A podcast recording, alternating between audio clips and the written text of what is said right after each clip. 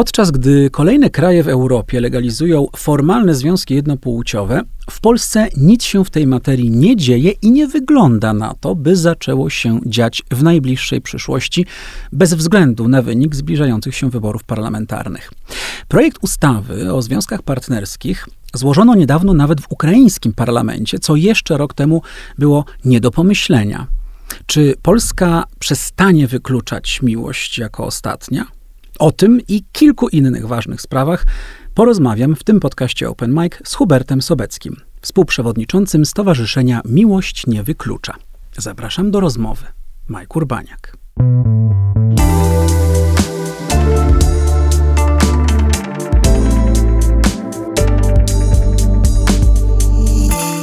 Hubert Sobecki, współprzewodniczący Stowarzyszenia Miłość nie wyklucza, jest e, moim, naszym gościem. Cześć Hubercie. Cześć Mike, dzień dobry. Dzień dobry. E, kilka kwestii e, chciałem z tobą omówić. Jedną z nich zaznaczyłem w, właściwie we wstępie do tego podcastu i, i od nich chciałbym zacząć, wiesz, bo ty, ale i stowarzyszenie, którym współkierujesz od kilku dobrych lat, zajmuje się między innymi kwestią e, legalizacji e, formalnych e, związków jednopłciowych i o tym mm, jeszcze sobie porozmawiamy. Tymczasem właśnie dobiegają mnie informacje, że w ukraińskim parlamencie jest złożony projekt ustawy o, o związkach partnerskich, Um, I pomyślałem sobie, to gdzie my jesteśmy? Naprawdę, gdzie my jesteśmy? Bez, e, bez obrazy absolutnie e, dla Ukrainy, no shade, ale jednak jak spojrzymy na sytuację, powiedzmy, no, przemian rozmaitych społecznych, Mhm. A wiem o czym mówię, bo też pisałem jakiś czas temu dość duży tekst na temat sytuacji y, społeczności LGBT plus w Ukrainie i tak dalej. No naprawdę y, była to, można powiedzieć, Ukraina była w tyle w, tej, w tych kwestiach, prawda? Y, za Polską, co jest trudno, właściwie trudno sobie wyobrazić, ale tak jest. Są kraje, które, które są w tyle w, w Europie. Polska, jak wiemy, jest to jedną z największych homofobek. Ten ranking ILGI mamy co roku, prawda? Publikowany. Właściwie jesteśmy gdzieś w okolicy Rosji, Turcji, prawda? To jest mhm. ta, ta grupa, do której przynależymy. I chciałem cię zapytać, e, Oprócz tego, że oczywiście bardzo mnie cieszy to, że taki projekt jest w, e, w parlamencie e, ukraińskim i myślę, a nawet jestem przekonany, że to ma związek z m, mm, takim bardzo wyraźnym sygnałem e, ukraińskich władz co do tego, w jakim kierunku Ukraina ma zamiar zmierzać. Bez wątpienia to już wiemy, czyli to jest kierunek zachodni. I wydaje się, że kwestia praw społeczności e, queerowej, no właśnie jest takim, wiesz, jest takiej agendzie Zachodu. To jest jedna z tych rzeczy, która właśnie wyróżnia Zachód i, i też na świecie z tym Zachodem jest kojarzona, prawda? Co ty o tym myślisz, powiedz? To znaczy, no właśnie, co, co, to, co, co to o nas mówi i gdzie my jesteśmy w, dzisiaj, w tej palącej kwestii, która wydaje się nigdy Mm, niezrealizowaną. Mhm. E, wiesz co, kiedy tylko się dowiedzieliśmy o tym, że e, ten projekt nie tylko powstaje, ale też, że już trafia do, do Wierchownej Rady, to zrobiliśmy mem, na którym jest napisane Ukraina w trakcie wojny składa e, projekt ustawy o związkach partnerskich, e, Polska w trakcie pokoju nie jest w stanie zrobić absolutnie niczego. Mhm. E, gdzie my jesteśmy? Jesteśmy w takim dziwnym kraju, w którym ponad połowa Polek i Polaków już nie tylko zgadza się na jakieś tam związki partnerskie, ale wręcz na równość małżeńską. I to poparcie mamy stały trend ustawiczny wzrost od lat. Um, przybijamy już powoli te 50%, takie uniwersalne 50% dla ogółu e, społeczeństwa. Um, Tymczasem politycy i polityczki, głównie politycy, mężczyźni w wieku mm. słusznym, tak. em, zasłużeni niezwykle też w swojej karierze działaniem na niekorzyść naszej społeczności, sprawiają, że jesteśmy oczywiście nigdzie, tak? To znaczy, ten ranking ILGI, o którym e, wspominasz, on pokazuje sytuację stricte prawną. Czyli on pokazuje, co stoi w księgach, jakie paragrafy mamy, jakich paragrafów nie mamy. Tak, bo powiedzmy może, y, y, zróbmy taki mały przepis do, mhm. do tego, dla tych osób, które może niekoniecznie są tam super w tym zorientowane, mhm. że ILGA y, ma taki zestaw rozmaitych, można powiedzieć, no właśnie warunków, które należy spełnić, żeby być wysoko w tym rankingu, czyli czy jest, jest prawo antydyskryminacyjne, czy jak jest sytuacja w pracy, czy są małżeństwa, czy są związki partnerskie, czy może można y, adoptować dzieci, taki cały zestaw, można powiedzieć, ro, rozmaitych y, kwestii prawnych, które sobie odhacza albo, minu, mhm. albo minusem, albo plusem oznacza, mhm. prawda? I wtedy ten kraj, który właśnie wypełnia, można powiedzieć, te wszystkie rzeczy, jest wysoko w tym rankingu, a te kraje, które kuleją większości tych rzeczy albo wielu tych rzeczy nie spełniają, są gdzieś na końcu. Tak to wygląda. Mhm. Tak, tak, dokładnie. Więc tam bardziej się patrzy na literę prawa. Miejscami ten, to budzi różne takie małe zaburzenia, no bo coś może w księgach owszem stać, natomiast nie być do końca egzekwowane. Ale tak patrząc z lotu ptaka, mhm. daje to pi razy oko taki niezły obraz rzeczywiście rozeznania się w Europie. Na całym kontynencie europejskim, nie tylko w Unii Europejskiej, to też jest istotne, bo dzięki tak. temu możemy mieć porównanie właśnie i zestawienie, gdzie e, Polska e, no zdecydowanie jest, e, sąsiaduje, jeśli chodzi o cenę rankingową z państwami takimi jak państwa kaukaskie, albo Białoruś, albo Turcja i Rosja oczywiście. Mhm. Ale jeśli chodzi o Unię samą europejską, jesteśmy po prostu na ostatnim miejscu. Jesteśmy na ostatnim miejscu trzeci rok z rzędu.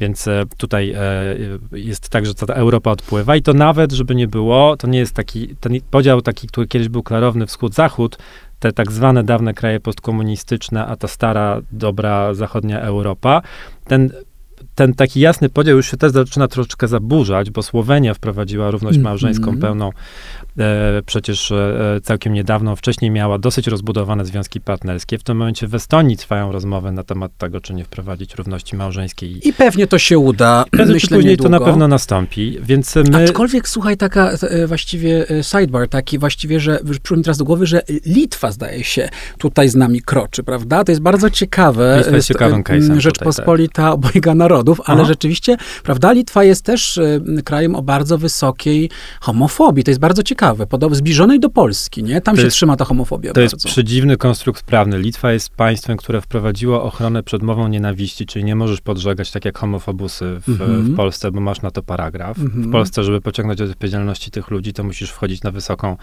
akrobację i ekwilibrystykę po prostu prawną. E, Co się zaczyna udawać, bo mamy już pierwsze wyroki, daje, tak. prawda? Tak. Mhm. Natomiast e, Litwa po prostu ma, ma zapis, który tego typu e, oszczerstw i jakiejś obrzydliwej, zupełnie nienawistnej propagandy zakazuje, a z drugiej strony mają zakaz propagandy homoseksualnej, wyobraź -hmm. sobie. I teraz -hmm. jak to jedno z drugim może współgrać? Ono może, widocznie. W głowie homofoba wszystko jest możliwe. Sprzeczności, wiadomo, mm -hmm. e, są drugorzędne. Ważne, żebyśmy się dobrze czuli na świecie. To jest taki główny sentyment, który kieruje osobą uprzedzoną, przecież nie logika. E, więc wracając do twojego pytania, gdzie my jesteśmy, jesteśmy w takim dziwnym stanie, w którym społeczeństwo e, na, ku, ku, ku, wielkiej rozpaczy, mam wrażenie, e, kon, tak zwanych polskich konserwatystów, a tak naprawdę po prostu osób chorych z uprzedzenia, bądź cynicznie e, uprzedzenia innych wykorzystujących, ku ich rozpaczy, społeczeństwo jest nieodwracalnie coraz bardziej liberalizowane i coraz bardziej rozumiejące, że to, że ich sąsiadka nie jest w stanie się hajtnąć ze swoją partnerką, z którą mieszkają całe życie, albo to, że ich syn będzie miał, za przeproszeniem, przesrane, ponieważ jest gejem, to nie jest normalna sytuacja w kraju, w którym to nikomu nie szkodzi, nie przeszkadza nie ma żadnych logicznych powodów, dla których państwo czy społeczeństwo miałoby osoby queerowe po prostu wykluczać, jeśli są one absolutnie na dłuższą metę nieszkodliwe. Mhm. Są szkodliwe oczywiście dla ludzi, którzy władzę opierają na tym, żeby świat był cepem rąbany, gdzie baba z chłopem, baba w kuchni, a chłop na polu, ewentualnie do wojska. Natomiast ten świat odchodzi. I co więcej, ci ludzie zdają sobie z tego sprawę. Więc e, ten ta dysproporcja będzie rosnąć i jedyny powód, dla którego pomiędzy politykami a, a społeczeństwem, e, mentalna dysproporcja, natomiast e, jedyny powód, dla którego my ciągle tego nie mamy, jest taki, że mamy fantastycznie rozkręconą propagandę ze strony skrajnych nacjonalistów, skrajnych prawicowców, i absolutne, horrendalne, po prostu zastanawiające tchórzostwo ze strony naszej opozycji, w znakomitej większości naszej opozycji, mm -hmm. pomijając niektóre tam wyjątki. Tak naprawdę... Bo opozycja, przepraszam mhm. cię, bo ta opozycja właściwie nie, niezmiennie do dzisiaj uważa, że oprócz tego, że pewnie jest jej e, cała część, która rzeczywiście takie poglądy podziela, ja myślę, w PSL-u, tak, to PSL tak, nie tak, różni, politycy PSL-u pewnie nie różnią się w, tym, w tej kwestii od polityków e, Zjednoczonej Prawicy. Ale ciekawe jest to, to poczucie takie, takiej obawy, nie? To znaczy oczywiście, bo to jest kalkulacja polityczna mhm. i że mimo tych zmian, o których ty mówisz, i mimo mhm. tych zmian, które bez wątpienia zauważamy. I wiemy o tym też, że klasa polityczna i politycy są zawsze bardziej konserwatywni niż elektorat, że mhm. oni e, bierzą za elektoratem tak. w tych materiach, prawda, drobią to, mm, to poczucie, że to jest coś, co może zaszkodzić, prawda, to nieustannie się pojawia w tej debacie. Aha. Głównie dotyczącej też Platformy Obywatelskiej, tak. prawda, tego czegoś bardziej centrowego, powiedzmy, jak na polskie, no, na polskie, na polskie warunki, warunki tak. tak. Że to jest dalej coś, co, co może zaskoczyć. I wiesz, przychodzi mi teraz do głowy, bo Oczywiście Poznaniem dużo się zajmuje. E, I i wiesz, e, taka, taka sytuacja była w Poznaniu te kilka lat temu, kiedy wszyscy odradzali prezydentowi Jackowi Jaśkowiakowi, uh-huh. żeby wziął patronat nad Paradą Równości. Wszyscy mu mówili, że to mu zaszkodzi, że to jest no, absolutnie wbrew wszystkiemu, on straci na tym partia, straci i tak dalej. On tak. mimo tego ten patronat, jako, jak wiem, jako pierwszy prezydent w Polsce objął i co się okazało? To znaczy nie tylko mu to nie zaszkodziło, ale jeszcze w pierwszej turze wygrał w cuglach kolejne wybory prezydenckie w Poznaniu, a po tym, jak Jaśkowiak e, poszedł w paradzie jako pierwszy prezydent, zaczęli w nich chodzić inni prezydenci dużych miast, prawda? Z Platformy Obywatelskiej, głównie Platforma zwykle rządzi w polskich miastach. E, I to jest bardzo, wydaje mi się ten przykład bardzo ciekawy, nie? A propos tego, że nawet to, to jest taki naprawdę namacalny dowód, nie? Mhm. Na to, że, że to jest, e, że to jest niekoniecznie tak jak, tak jak politycy myślą, a mimo tego ta zachowawczość jakaś nieprawdopodobna jest, wiesz, po, powiem ci, no porażająca. Ja nie mogę w to uwierzyć, że jest rok 2023 i my w ogóle dyskutujemy w Polsce o związkach partnerskich, bo szczerze ci powiem, znaczy mnie związki partnerskie w ogóle nie interesują, bo ja mhm. uważam, że this is so 20th century. Wiesz o co mhm. chodzi, że związki partnerskie to mo moglibyśmy 15, 15, lat temu rozmawiać. Jak Sojusz Lewicy Demokratycznej rządził profesor Szyszkowska, składała swój projekt. Może tak. wtedy moglibyśmy rozmawiać, mogliśmy rozmawiać o związkach partnerskich, ale w roku 2023 no, o równości małżeńskiej, no nie mogę pojąć, wiesz, e, absolutnie aż takiego ogromnego oporu w tej materii. to, to, to mnie fascynuje fascynuje.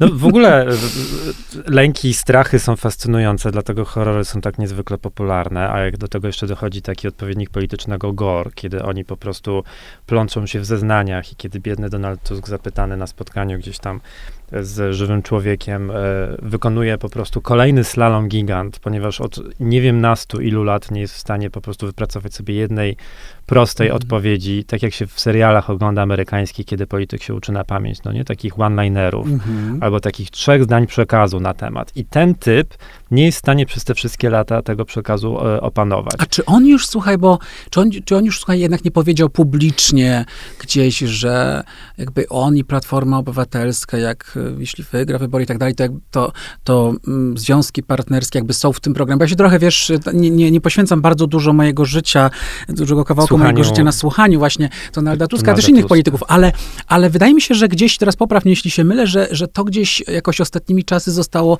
zadeklarowane tak jakby mm, tak. ostatecznie, publicznie, że tak, że my to bierzemy do swojego programu. Prawda to czy nieprawda? O programie ci nie powiem, ponieważ programy partii politycznych w Polsce są No, deklara powiedzmy deklaracja tak. taka padła. Ale mhm. powiedział, że tak, to jest coś, co załatwimy oczywiście po wyborach, związki partnerskie. Mhm. Tylko pytanie brzmi, Mike, co to są związki partnerskie? No właśnie, ja chciałem tobie zadać to pytanie, bo, mm, bo ty e, bardzo intensywnie się tym zajmujesz i organizacja, którą współkierujesz, się tym zajmuje. Przecież przez, e, był taki czas, kiedy um, brałeś udział w takich konsultacjach parlamentarnych, prawda? Były kilka lat temu, w co trudno uwierzyć, ale były, um, był taki projekt chyba Palikota, prawda? I Sojuszu mhm. Lewicy Demokratycznej. Mhm. Były dwa projekty. Mhm. I one były przecież, jakby jakieś prace konsultacyjne mhm. się toczyły, Oczywiście. prawda? Żeby potem nadać bieg jakiejś, jakiemuś projektowi ustawy. I ty brałeś w tym udział, prawda? Nie, tak, nie mylę tak, się. tak. Miłość nie wyklucza. I miłość nie wyklucza. E, stowarzyszenie również brało w tym udział. No więc to jest pytanie e, do ciebie właściwie. Mhm. Co to znaczy związki partnerskie? Co by to właściwie znaczyło dzisiaj? Co znaczy ta deklaracja, że my popieramy związki partnerskie? Jak to się ma do postulatów, można powiedzieć, queerowej społeczności? I jak myślisz, co ma na myśli, co mają na myśli politycy, mówiąc, że popierają związki partnerskie? Trzy ważne sprawy. Pierwsza jest taka. Projektów ustaw o związkach partnerskich w Polsce żebym się nie pomylił, było 7 czy 8, składanych przez przeróżne ugrupowania. Rzeczywiście od projektu Szyszkowskiej już całe, całą epokę temu projektu złożonego w hołdzie e, papieżowi, dlatego został odrzucony, tak, taka ciekawostka. Mhm. Potem były te projekty, o których ty mówisz. Był fatalny projekt przygotowany przez posła, obecnie senatora Dunina z Platformy Obywatelskiej, który sama Platforma odrzuciła, podobnie jak wszystkie pozostałe. Potem były projekty nowoczesnej, które również zostały w Sejmie złożone.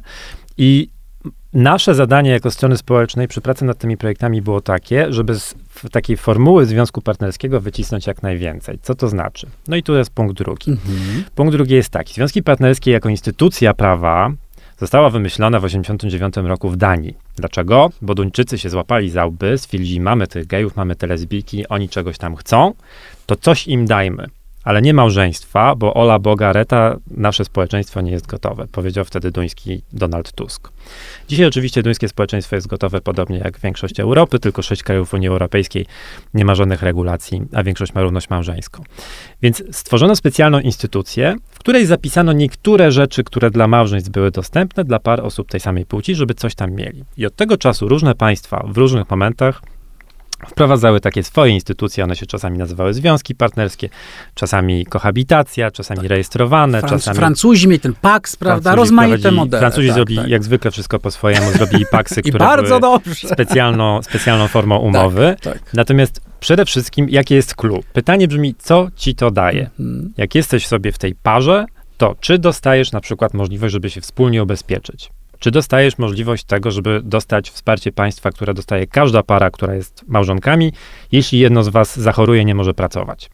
Czy jeśli masz dziecko, to oboje jesteście uznani albo uznane za rodziców?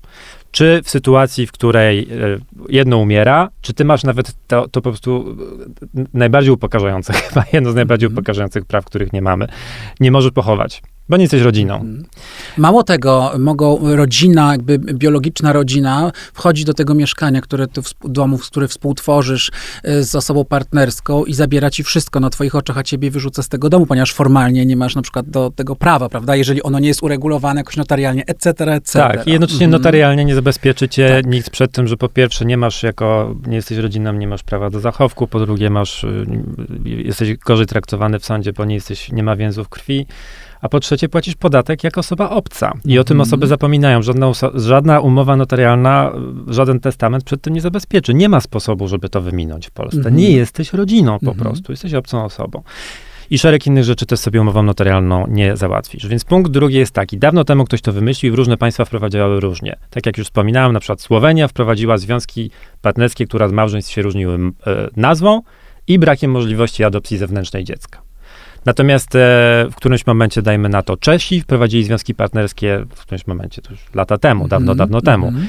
które mocno się różnią od, od równości małżeńskiej i rzeczywiście szeregu rzeczy ludziom po prostu nie dają. Ludzie chcą mieć normalne traktowanie, a nie jakieś wydmuszki. I teraz pytanie, to jest trzecia kwestia. Co to znaczy, kiedy polityk w Polsce mówi związki partnerskie? Odpowiedź brzmi, nie wiem. Nigdy nie wiadomo. Dlatego albo ktoś dopyta tego mm -hmm. typa, ale o czym ty facet mówisz do mnie? Czy ja mm -hmm. będę mógł robić to, to, to, to i tamto? I gdzie mówisz stop? Gdzie twoje prawa będą większe od moich? I dlaczego? To jest to pytanie, które trzeba zadać. Ja ci odpowiem teraz. Dawaj. jako działacz młodzieżówki Platformy Obywatelskiej, nie wiesz, myślę, że ta odpowiedź była, ojej, koszmar, to by był koszmar.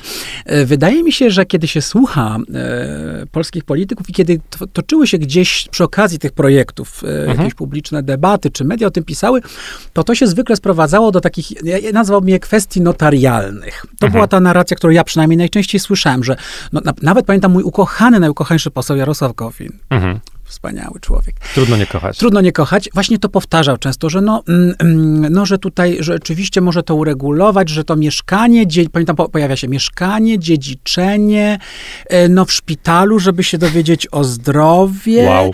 Jakby gdzieś w tej okolicy, nie? Ale mhm. dobrze, prawda, mówię, prawda, że gdzieś w tej tak, tak okolicy tak, tak, te wypowiedzi, one gdzieś kręży, krążyły właśnie takiej notarialno, notarialno-urzędowej trochę. Więc, e, więc myślę, że w ogóle tak, w ogóle wszystko, co wchodzi na taki obszar takiej rodziny, rodziny, rodziny, co się w Polsce mm -hmm. uważa, a w ogóle dzieci, to już w ogóle mm -hmm. zapomnijmy, mm -hmm. adopcja i tak dalej. Myślę, że nawet y, nie wchodziłaby w grę y, adopcja przez osobę partnerską tak, dziecka, tak, tak, tak, która, które już jest na świecie, które ma, którą biologicznym rodzicem... ma dwoje tak, tak, tak, tak, tak, Więc myślę, że nawet to nie.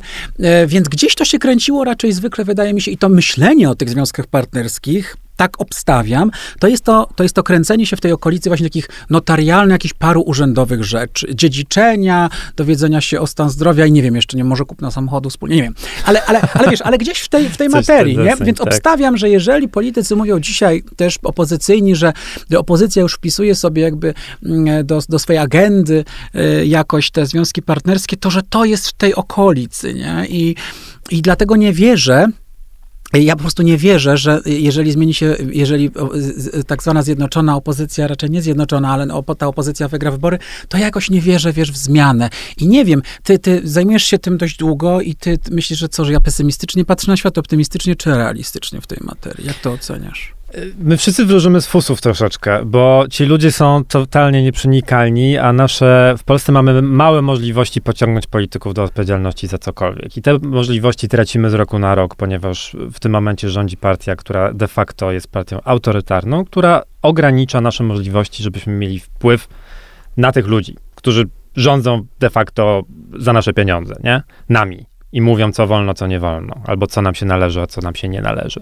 I oni nam te rzeczy odbierają, a przy okazji odbierają te mechanizmy kontroli, które sprawiają, że możemy im powiedzieć w którymś momencie stop. Coraz mniejszą mamy możliwość powiedzieć im stop. Dlatego te zbliżające wybory są tak bardzo ważne.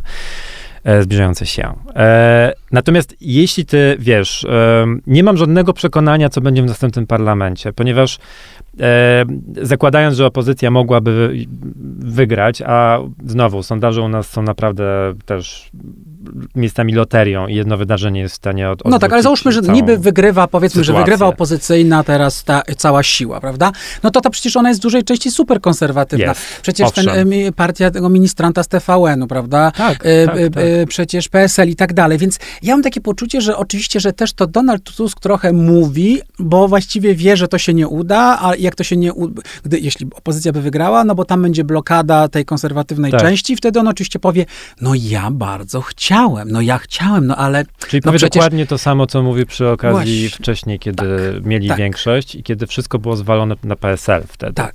I tak. na tak zwane konserwatywne skrzydło Platformy. Całkiem możliwe, że to się mm -hmm. powtórzy. Ja osobiście uważam, że to, co oni zrobią, to żeby mieć święty spokój, jeśli wygrają, mm -hmm, co tak. jest absolutnie Gdybamy wielkim... sobie. Tak, mm -hmm. gdybaniem.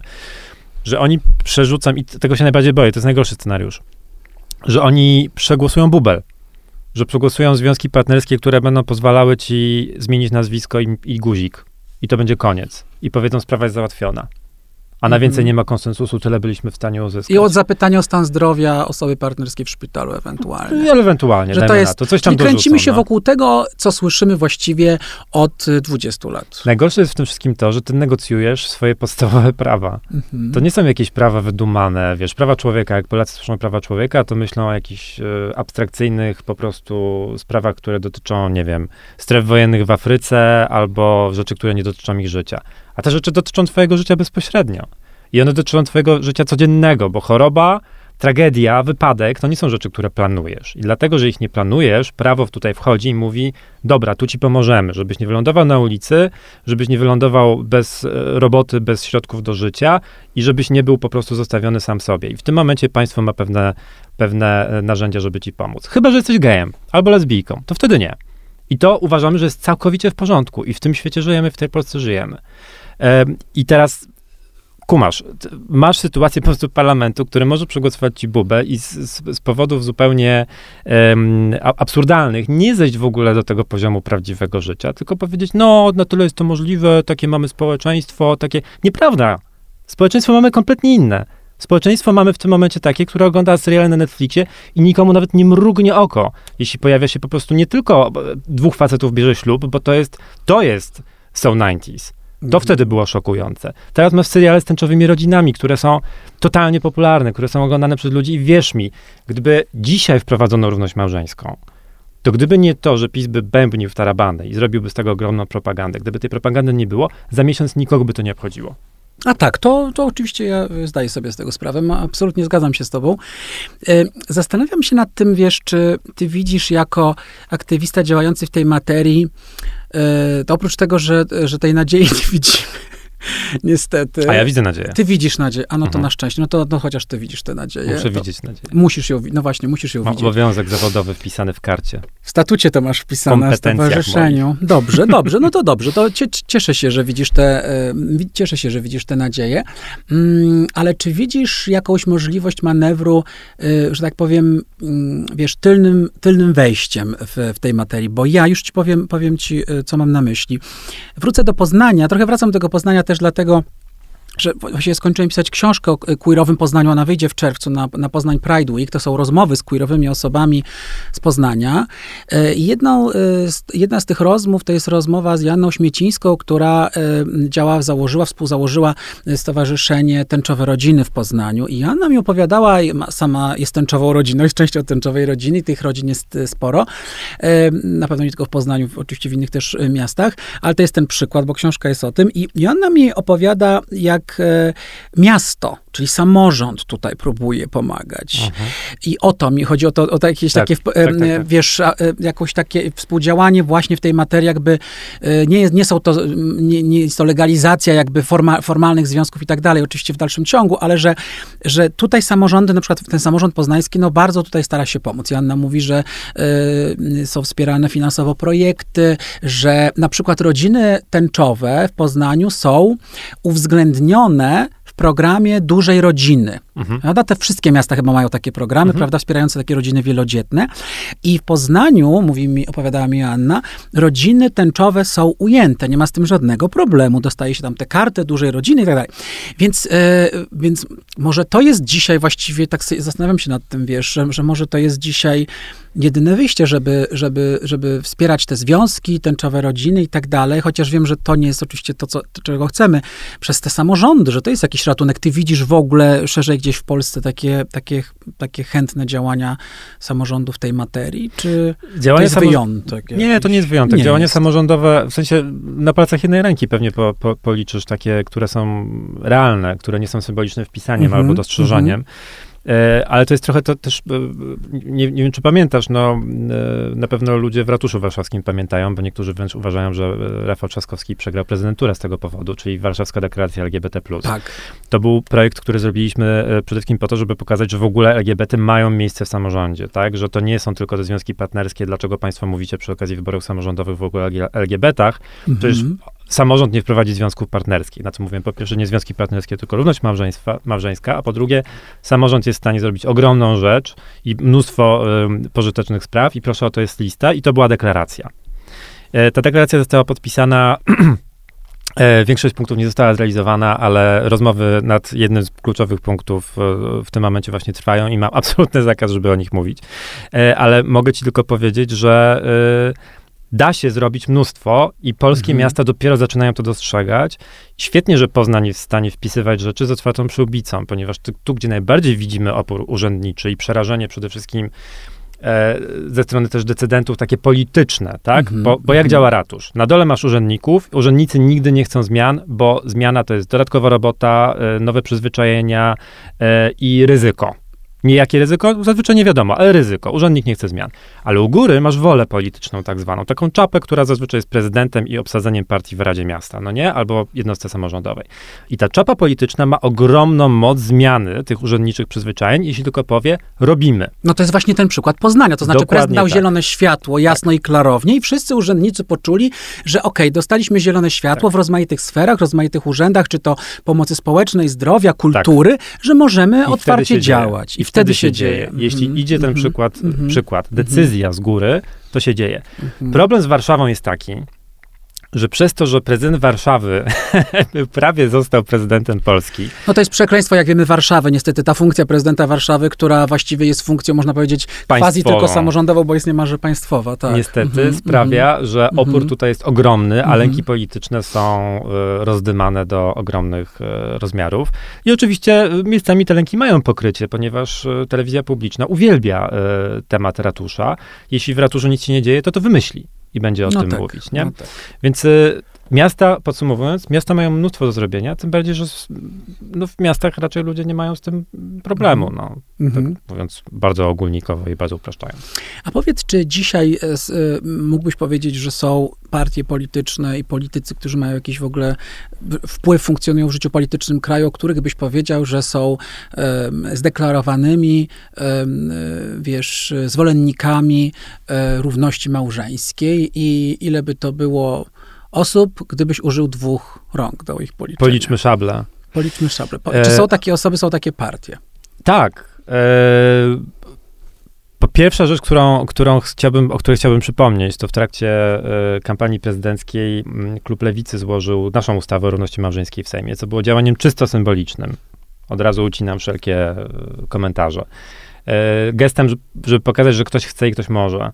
I dla nas ten symbol był niezwykle ważny. Mhm. Po pierwsze dlatego, że przez lata nam mówili, że to jest pomysł z kosmosu i że się nie da. I w momencie, kiedy ta ustawa była składana, ostatnia organizacja w Polsce LGBT-owska, nie powiem ci która, zmieniła zdanie, że, e, że oni też już chcą równości małżeńskiej.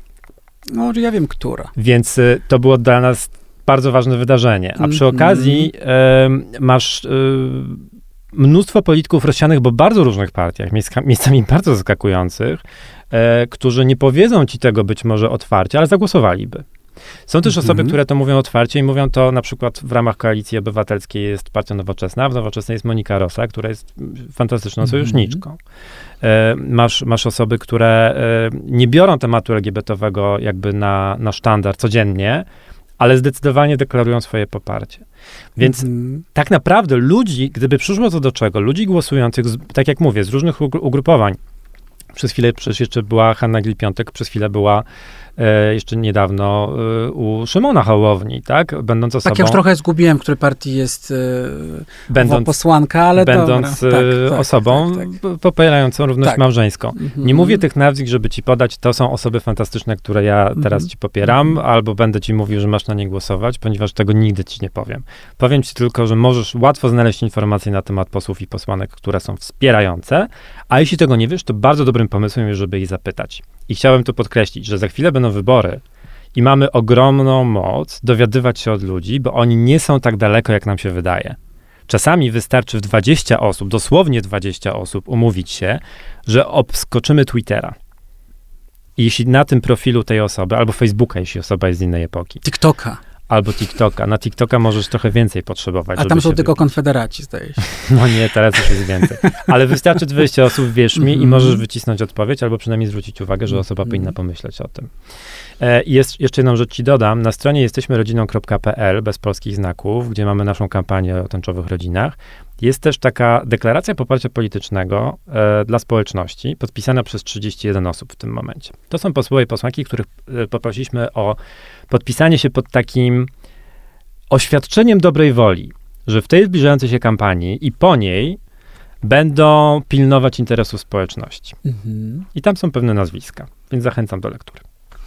Bardzo mi się podoba takie e, proobywatelskie podejście, bo tak to działa. No tak to właśnie działa, więc e, innego wyjścia, tak, innego wyjścia nie mamy w tej materii niż tam e, hashtagować, oznaczać, pisać, e, zwracać uwagę, nagłaśniać, e, no bo wiadomo jak działają politycy, prawda? Jak działają politycy, ale też jak Mhm. działają media. Media bardzo Mhm. często mainstreamowe wyciągają tematy z polskiego Twittera. Twitter jest bardzo Mhm. niszowy w Polsce, natomiast ma ogromny wpływ na mainstream.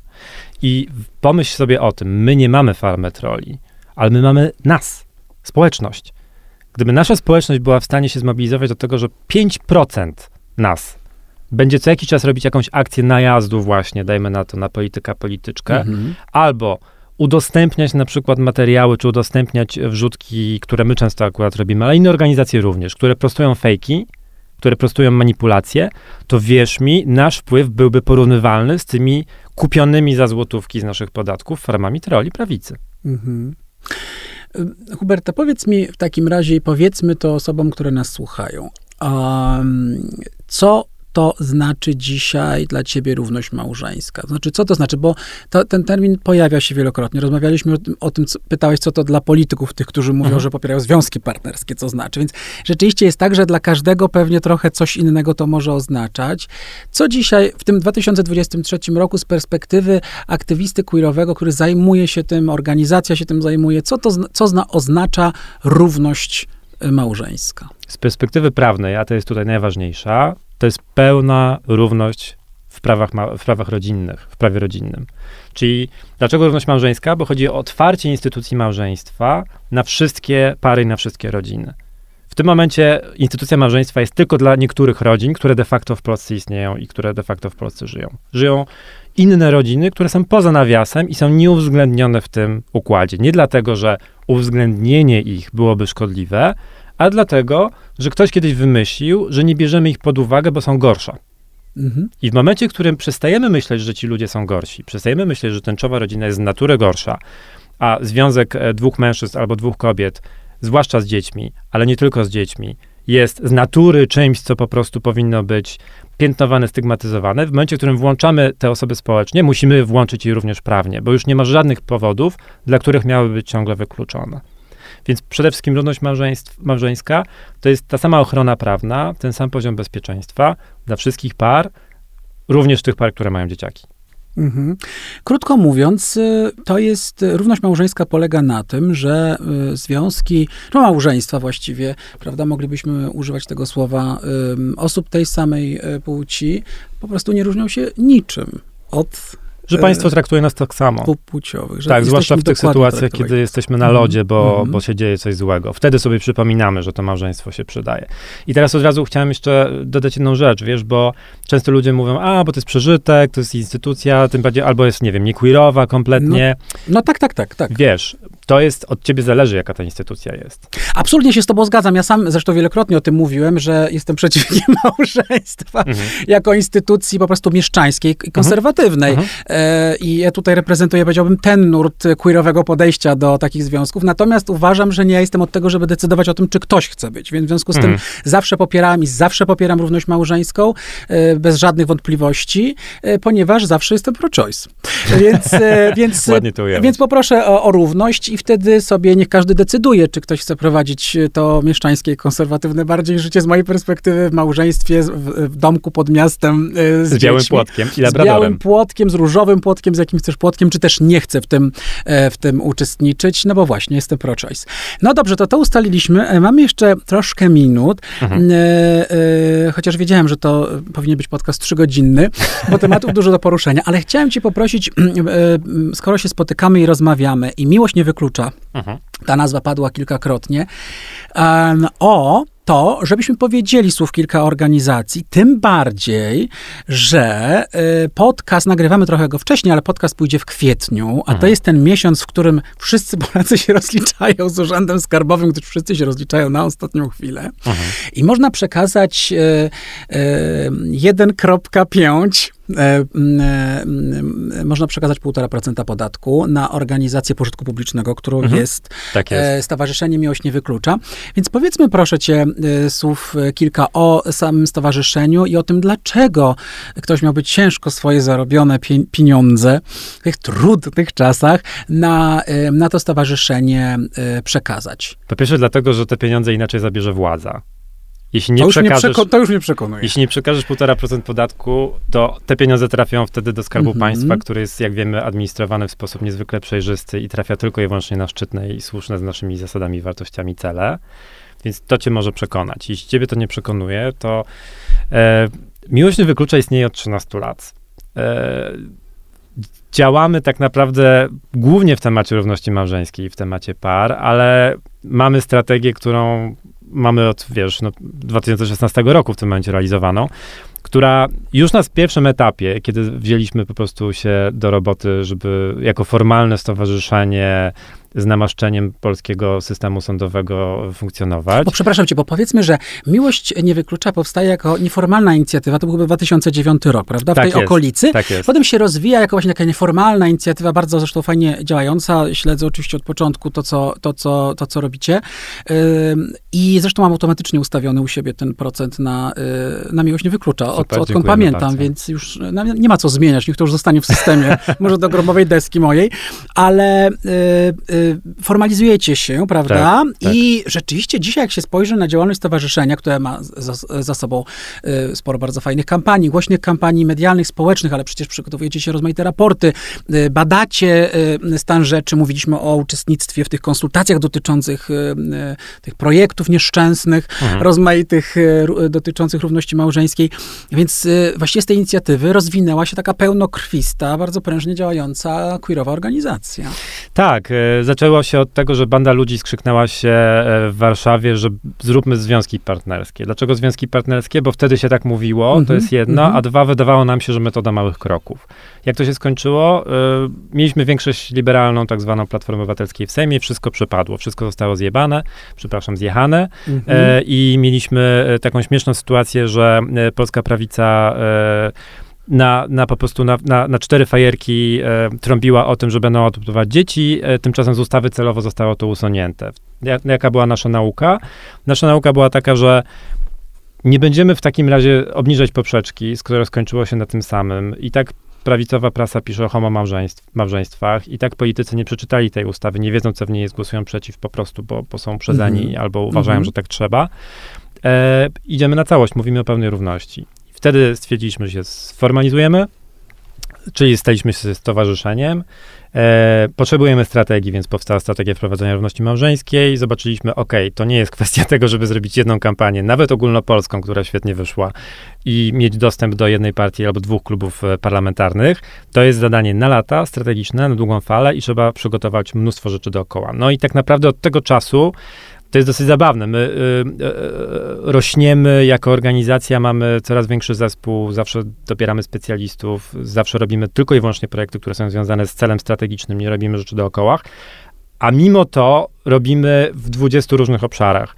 Począwszy od projektów prawnych, w tym momencie mamy też fundusz prawny pomocowy dla ludzi, bo to jest paląca potrzeba, która Mhm. wyszła po prostu w ostatnich czasach. Fundusz prawo nie wyklucza. Osoba w trudnej sytuacji może się tam zgłosić z prośbą o pomoc i dostanie prawnika i pieniądze na prawnika. To jest jedyny fundusz, który tak robi w Polsce. E, przy okazji mamy oczywiście nieustannie kampanię. Ostatnio, y, ostatnie trzy lata skupiamy się na tęczowych rodzinach. Mówimy przede wszystkim o rodzinach z dziećmi, więc je pokazujemy.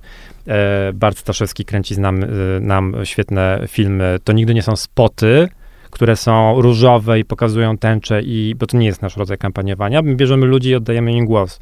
I oni opowiadają swoje historie. Chcemy pokazać prawdę, a nie jakieś, wiesz, y, lukrowane laurki. Mhm. Robimy badania społeczne własne. A propos, znowu, a propos tęczowych rodzin i tego, co w ogóle po, Polacy i Polki myślą, czym jest rodzina? Jaka konfiguracja osób jest rodziną? Czy im przeszkadza opcja, że będą dwie osoby tej samej płci wychowujące dzieci? W jakich sytuacjach tak, kiedy nie? Jest ogromny raport na ten temat. E, cały jest z wykresów zrobiony, więc są same obrazki, więc jest prosty w lekturze. Bardzo Nie zachęcam. wiem, dlaczego patrzysz na mnie to mówiąc. Em, patrzę, patrzę na ciebie jako taką personifikację, wiesz... Narodu. całej, y, osób, które słuchają potencjalnie, bo ja jestem skrzywiony, ja uwielbiam wykresy. Więc naprawdę dzieje się Mhm. mnóstwo, robimy, robimy dużo rzeczy. Y, Od początku samego rozkręcamy nasze media społecznościowe. Działamy też na szczeblu samorządowym, e, tak jak mówiłem, z ratuszem warszawskim. I chcemy też bardzo mocno wspierać wszystkie organizacje lokalne i regionalne w Polsce. W tym roku mamy też na, na taki długi ogon przedkampanijny e, zaplanowane działania lokalne z lokalnymi aktywistami i aktywistkami. I też mogę zaspoilować minigranty. Będziemy Mhm, dawać mhm. małe, małe pieniądze na małe działania dla osób, które ich nie przytłoczą, nie będą względnie proste do, do, do, do zrobienia i osoby, żeby zrobiły, adresując potrzeby lokalnych społeczności. Em, bo to jest, to jest cholernie ważne w tym momencie w Polsce. Ale słuchaj, dlaczego te, te, y, te pieniądze, ten procencik, te półtora już właściwie, y, na was by kierować, skoro są też inne organizacje LGBT+, które też proszą o ten procent? Jakbyś mnie przekonał? Wiesz co, no nie wiem, czy zdołam cię przekonać, e, bo znaczy, to jest... mnie już nie musisz oczywiście, bo to już ustaliliśmy, że ten, że, te, Tak. że ten mój procent, a półtora teraz idzie na miłość nie wyklucza, ale y, trochę z przymrużeniem oka, trochę Mhm. właściwie nie. Właściwie co, co, jak, jakiego byś użył argumentu, żeby, żeby właśnie przekonać osoby, że to ta organizacja queerowa? Wiesz co, myślę, że osoby, które nas śledzą i które nas obserwują, e, rozumieją, że my się różnimy dosyć mocno stylem. E, stylem komunikacji chcemy być merytoryczni, nie chcemy być puści, nie lubimy się chwalić, trochę nam nie wychodzi chwalenie się nawet. I wydaje mi się, że to jest coś, co nas odróżnia. E, nie mamy też takiej pewnej arogancji, która czasami mam wrażenie, że się e, pojawia wśród, e, w świecie aktywistycznym. Mamy, to, to znowu, nie, nie chcę siebie wybielać, znaczy my, my też jako ludzie mamy mnóstwo wad, ponieważ żaden człowiek bez wad nie zajmuje się aktywizmem. Em, ale myślę, że widać po nas po prostu, czym my się wyróżniamy. Jestem beznadziejny w tym, jak słyszysz. Nie mam, nie mam pojęcia, co mam ci powiedzieć, ale bazuję na tym, co ludzie mi mówili, wiesz, kiedy się decydowali, że na przykład zmienili z kogoś na nas, że ja lubię wasz styl. Często też słyszymy, że lubią naszą strategię. I ja się z tym zgadzam. To jest coś, co mnie kiedyś przekonało, kiedy musiałem wybrać ten, te, te organizacje. Mhm. Miałem zawsze takie poczucie, że miłość nie wyklucza, ma jakiś taki flow, tak bym to określił. Mhm. Jakiś taki dobry, pozytywny flow. Właśnie nie ma jakiegoś takiego napuszenia, wiesz, nie ma tego fafarafa, którego ja nienawidzę, że jest jakiś taki fajny flow, jakaś fajna energia bardzo związana z, tą, z, z, z, z tym stowarzyszeniem, czy wcześniej z grupą.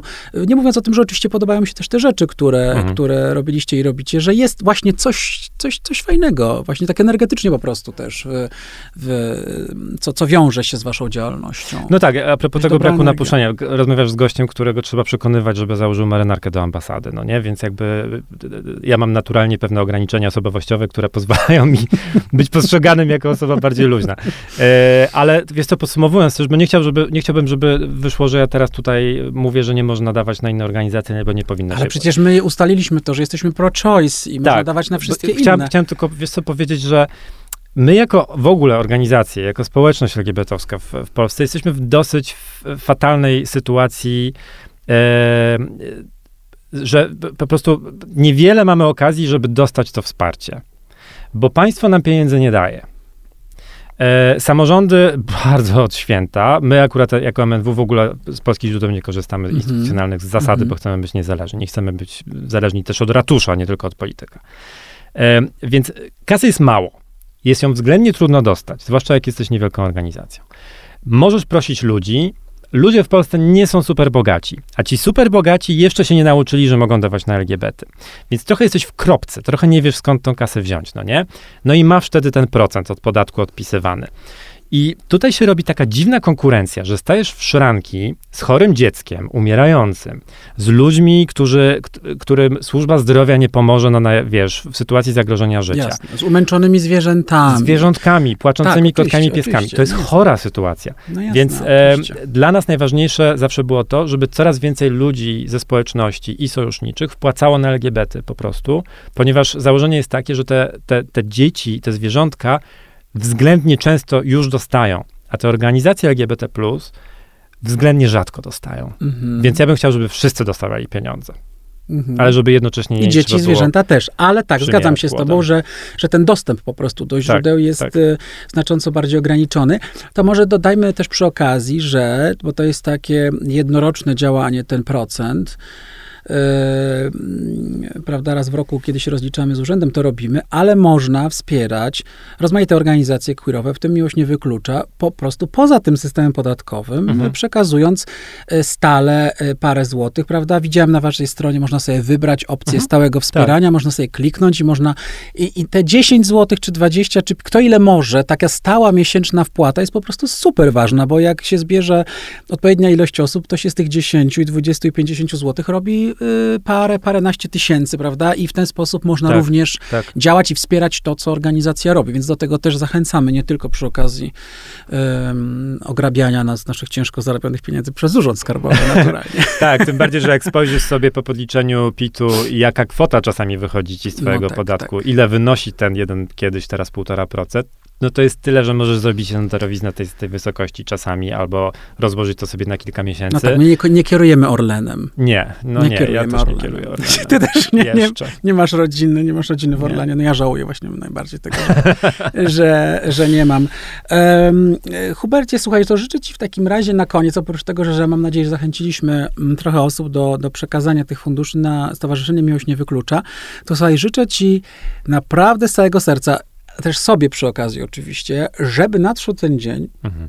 że będziesz sobie z innymi osobami aktywistycznymi ze stowarzyszenia stał albo i siedział w galerii sejmowej, słynnej, tak jak to się dzieje w innych parlamentach, działo tak. do tej pory, i żeby, żebyś mógł obserwować głosowanie nad ustawą o równości małżeńskiej, która zostanie przegłosowana e, w opcji za, i żebyś mógł radośnie z tą tęczową flagą na tej galerii sejmowej podskakiwać. Życzę ci tego bardzo, bo myślę, że ta, że ta robota, którą wykonujecie, będzie jeszcze wykonywana przez dobrych, parę dobrych lat, no ale może trzymamy się tego optymistycznego założenia, że w końcu cel zostanie osiągnięty. No, gdybyśmy się tego nie trzymali, to by nas już nie było. E, po pierwszym odrzuceniu, wiesz, ustaw o związkach partnerskich, połowa stowarzyszenia przyszłego wyjechała z Polski. Mhm. Potem też traciliśmy osoby, bo to jest praca, która wypala. Jeśli nie widzisz bezpośrednio efektu, to myślisz sobie, po cholerę ja to robię. Tym bardziej, że to, to jest trudna robota miejscami. E, ale wierzymy w to, uważamy, że jest to bliżej niż dalej. Czasami zmiana może zaskoczyć też. E, to Czasami jest... to może być naprawdę dobra zmiana.